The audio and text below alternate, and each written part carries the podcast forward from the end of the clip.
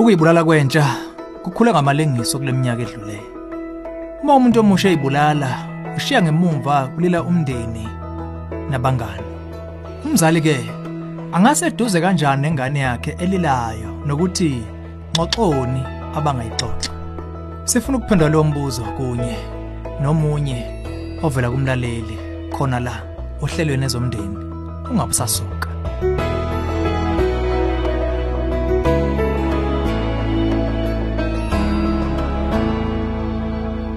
Cela ukubingelela mlalo omuhle. Ezomndeni uhlelo ukulethela izeluleko eziphathekayo kabaka focus on the family. Sithola umbuzo sindayo kumama othe Ngixoxe kanjani nomfana wami osemusha mala nomngane wakhe osanda kuyibulala. Lo mfana babe ngaphezulu kokujwayelana naye. Manje ngiyazi lesenzo sewuphulile umoya womfana wami ngokujulile. Ningangisiza ukungicija ukubeka kahle lesihloko nengxoxo kuye. Kusemqoko ukuba uvuleleke ngalesi sihloko nondodana wakho. Uma umuntu omusha ezibulala, wonke umuntu emphakathini uyathinteka.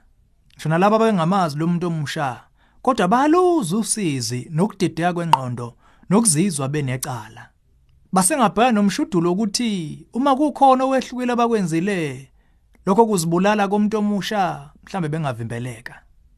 Eyimene enjalo abantu badinga ukulila ngokuvulelekile balethe imizwa yabo obala. Akuyona neze impilo ukucindezela imizwa yenhliziyo loluhlobo.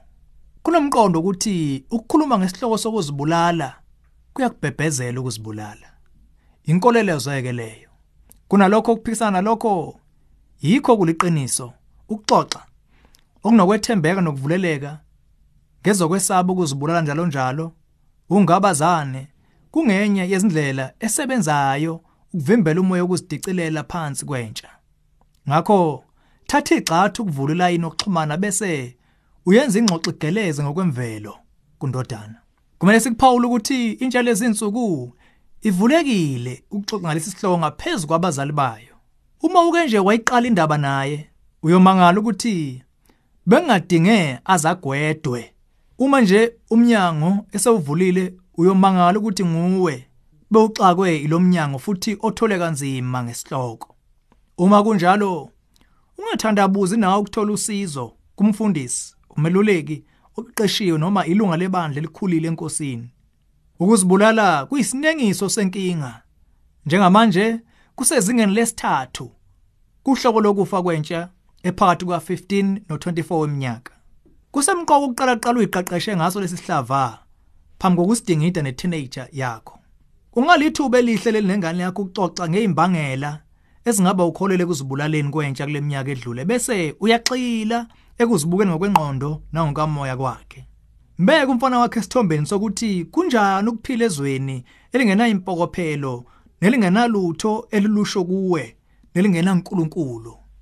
Ngesikhathi sijinga ingxoxweni ungemniningwane, mbuza umfana wakho uthi ngakube unawo umqondo kungani lo mngani azizwe ephoqeleke kuyibulala? Ngakube wayenencindezi? Ngakube kukhona okwakumphoxile kumbe ukulahlekelwa? Ngakube kwakunokuxwebhana ekhaya? Ukuxhashazwa esikoleni? Wayenenkinga ukuxhumana nontanga bakhe? Thola ukuthi ngakube umfana seke wabhekana yini naye nalezo nkinga na? Mbuza ukuthi yikuphi ongamsiza ngakho ukuntweza izivunguvungu zansuku zonke zempilo. Kufuneka umtshele nangokudabuka wabanakho ekuzweni kokushiwe ngumngani wakhe ngokuyibulala. Itshela indodana yakho ukuthi ongeke ukwazi ukuthwala into enjalo uma kwakuthiwa yayenzeke kuye. Mqinisekise uvulelekile ukuba nanini nanini ukulungela ukuxoxa naye ngempilo yakhe ngisho ngathiwa into ebhlungu esabisayo edabukisayo nenehlazo. Mqinisekise uyohlala useduze naye umthanda njalo noma ngabe kwenzekani. Mkhumbuze ukuthi lo mfanekisa yiwo ngomdali wakhe amthandayo nonwecebo ngaye Jeremiah 28 verse 11.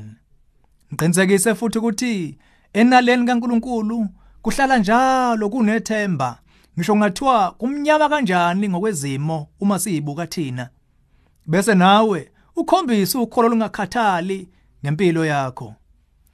Isebenza omnyango wezokululeka efocus on the family. Singakuxhumanisa nongoti abasebenza eduze kwala ungakhona. Ungathandabuza ukuxoxa nongakusiza. Sicela usishayele ku 031 716 3300 asibonge. Lolu hlelo ezomndeni ulethulelwe yifocus on the family sihlangabezwa hlelo luzayo sesihlabelisa phambili umndeni wakho.